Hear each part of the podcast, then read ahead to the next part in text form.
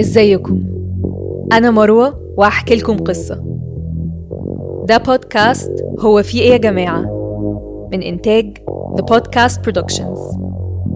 في البودكاست ده هحكي لكم قصص حقيقية عن جرايم قتل أحداث تاريخية غريبة أماكن مسكونة وكل القصص اللي لما بنسمعها بنقول هو في إيه يا جماعة؟ هي الناس مالها؟ القصص دي بطبيعتها ممكن يكون فيها مشاهد عنف أو أحداث ممكن تبقى مؤذية لبعض الناس. فياريت تقروا الوصف كويس عشان تتأكدوا إن الحلقة مناسبة ليكم. يلا نسمع قصة النهاردة. مذبحة غابة شاكا هولا في بداية الحلقة حابة أكد إن في البودكاست ده بنحترم الخلفيات الدينية المختلفة. والقصة دي مش انعكاس لدين معين لكنها بتوري التطرف اللي ممكن أشخاص يوصلوا له. في سنة 2023 السنة اللي إحنا فيها دلوقتي اتقبض على شخص اسمه بول ماكنزي في كينيا. من خلال كنيسته وتعليمه كان بيوعد الناس بالخلاص والجنة. والأتباع ما كانوش عارفين إن هم هيبدأوا رحلة هتنتهي بكابوس باستخدام الكاريزما بتاعته وتعاليمه المتطرفة قدر بول إنه يقنع أتباعه المخلصين إنهم يتخلوا عن حياتهم كلها ويروحوا يعيشوا في غابة شاكاهولا في كينيا. القصة هتلاقوا تشابه كبير بينها وبين قصة حصلت في أمريكا اتكلمت عنها في حلقة قبل كده اسمها مجزرة جونز تاون وكأن التاريخ بيعيد نفسه تاني. بول ماكنزي كان قسيس أو واعظ مسيحي وبيخاطب المسيحيين وبيتكلم في الأساسيات المعروفة اللي هي إن يوم القيامة هيجي وإنهم لازم يسعوا عشان يدخلوا الجنة. لكن المختلف في بول إنه أقنع أتباعه إن نهاية العالم قربت وطريق الخلاص الوحيد هو الجوع. بول كان بيأمرهم إنهم يمنعوا نفسهم عن الأكل وإن بكده هيسرعوا رحلتهم إنهم يقابلوا المسيح في الجنة. تعالوا نحكي القصة من الأول. بول ماكنزي اتولد سنة 1972 وكان بيشتغل سواق تاكسي في قرية مالينزي في كينيا لحد سنة 2002 في السنة دي بدأ بول يتدين وبقى بيروح الكنيسة بشكل مستمر لحد ما قرر إنه يبقى قسيس. وساعتها خد خطوة كبيرة إنه باع التاكسي وكل ممتلكاته.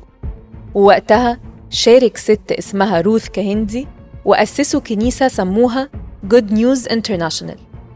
بنت روث فيما بعد قالت إنها كانت كنيسة عادية مبنية على التعليم المسيحية الإنجيلية. لحد حوالي سنة 2008 لما ابتدى بول يركز قوي على حتة نهاية العالم وما بقاش بيتكلم غير عليها.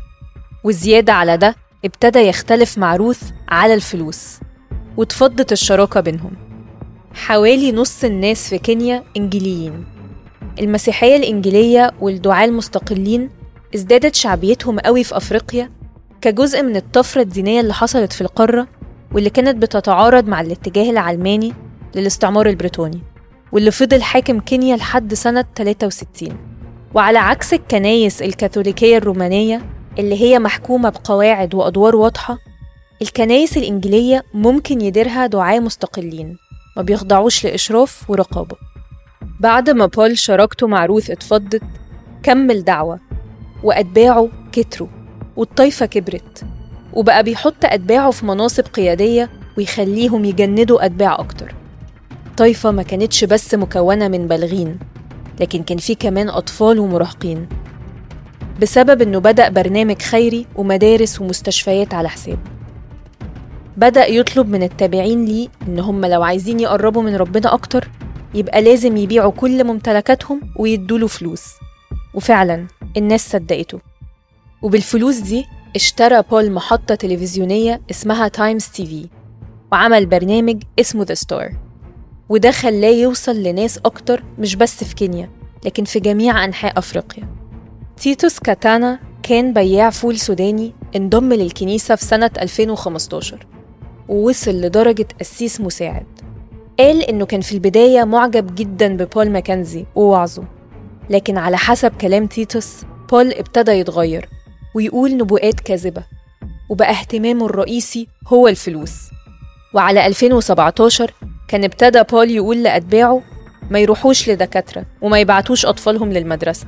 أنشأ مدرسته الخاصة الغير مسجلة في كنيسته وادعى إن عنده قوة شفاء إلهية.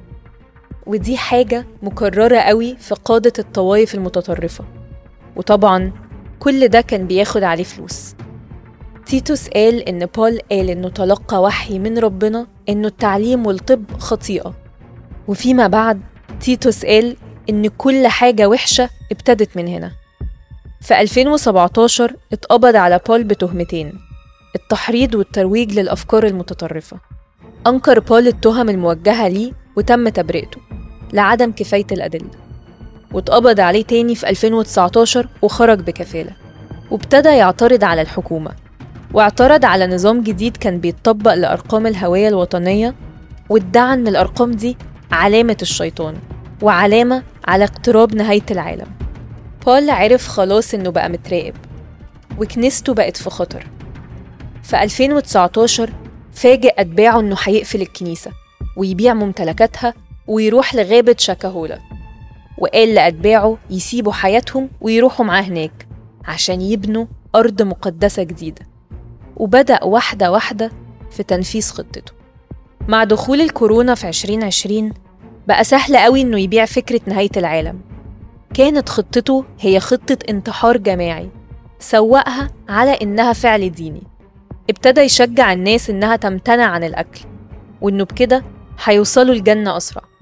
وقال إنهم هيبتدوا بالأطفال. وأمرهم يصوموا في الشمس عشان يموتوا أسرع. بعد كده كان هيجي دور الستات بعدين الرجالة.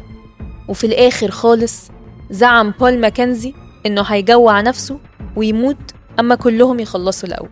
في وسط أتباعه كان في واحدة اسمها سالمة ماشا أم لخمس أولاد. صعب نتخيل الرعب اللي كانت عايشاه. لما شافت الألم اللي أطفالها بيمروا بيه قررت ما تسكتش. سالمة جوزها هو اللي استجاب لدعوة بول ماكنزي وخدها وولادهم للغابة. هناك اتولدت أصغر بناتها أستر وابنها الأكبر كان عنده 8 سنين. سلامة بتحكي إنهم في الأول حفروا أبيار مية في الغابة واتطلب منهم يستنوا المسيح يظهر. وبعدين فجأة بول ماكنزي غير رأيه وقال لهم يصوموا عشان يروحوا الجنة. ولما الناس اعترضت اتقال لهم إن لو أخروا موتهم الجنة هتبقى اتملت ومش هيبقى ليهم مكان فيها. وابتدت الناس تموت حوالين سالمة وأغلبهم من الأطفال. حكت إنه لما كان طفل بيعيط أو بيطلب أكل كان مطلوب منهم ياخدوا عصاية ويضربوه عشان يروح ياكل في الجنة.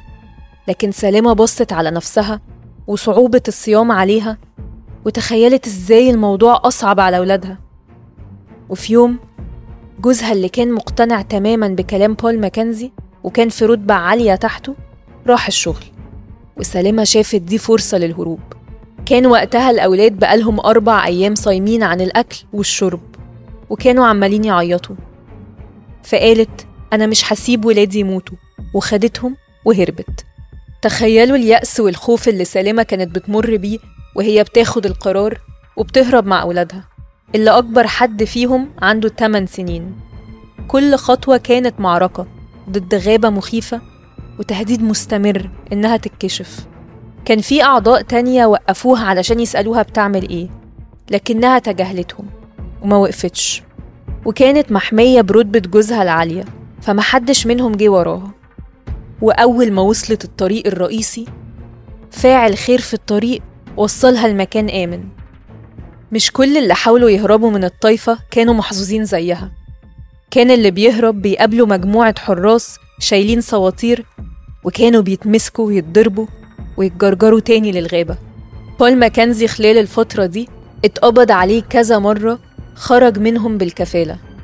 لحد يوم 15 إبريل اللي فات على طول ده. في ناس ساكنين قريب من شاكاهولا بلغوا السلطات إن في أطفال جعانة بتهرب من الغابة. والسلطات اتحركوا وهجموا على الغابة واتفاجئوا بالجحيم اللي الناس كانت عايشة فيه. الناس كانوا بيموتوا من الجوع وممتنعين عن الأكل والشرب ومؤمنين إن ده اللي هيخليهم يشوفوا المسيح.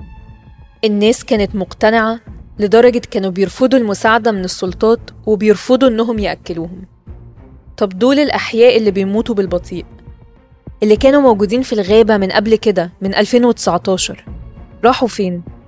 وبدأت السلطات تفتش الغابة وتفاجئوا بمقابر جماعية والجثث مدفونة في كل حتة كبار وأطفال.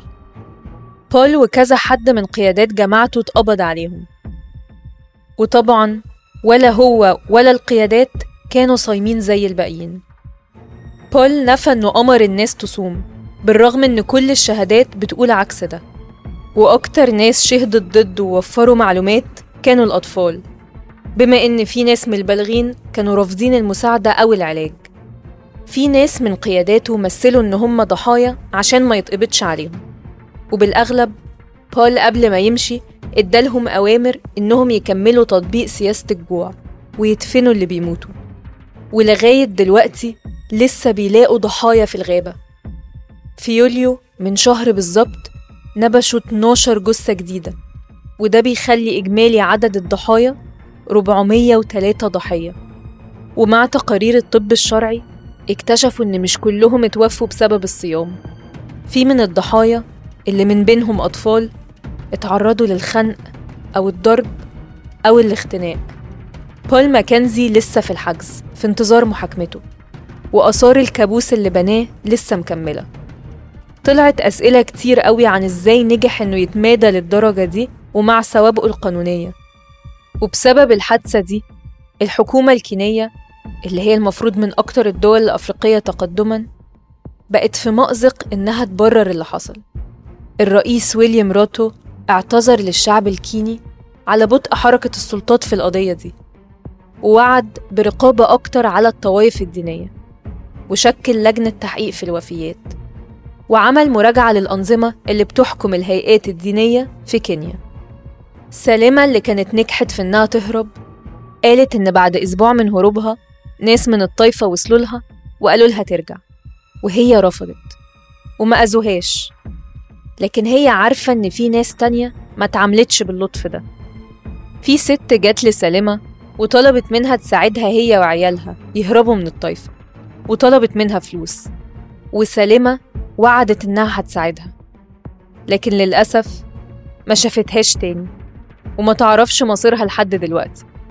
وده حال أهالي الضحايا اللي فيه كتير منهم عايشين مع ألم وفاة اللي بيحبوهم وكتير مش عارفين أصلا مصير اللي بيحبوهم إيه. دي كانت قصة النهاردة.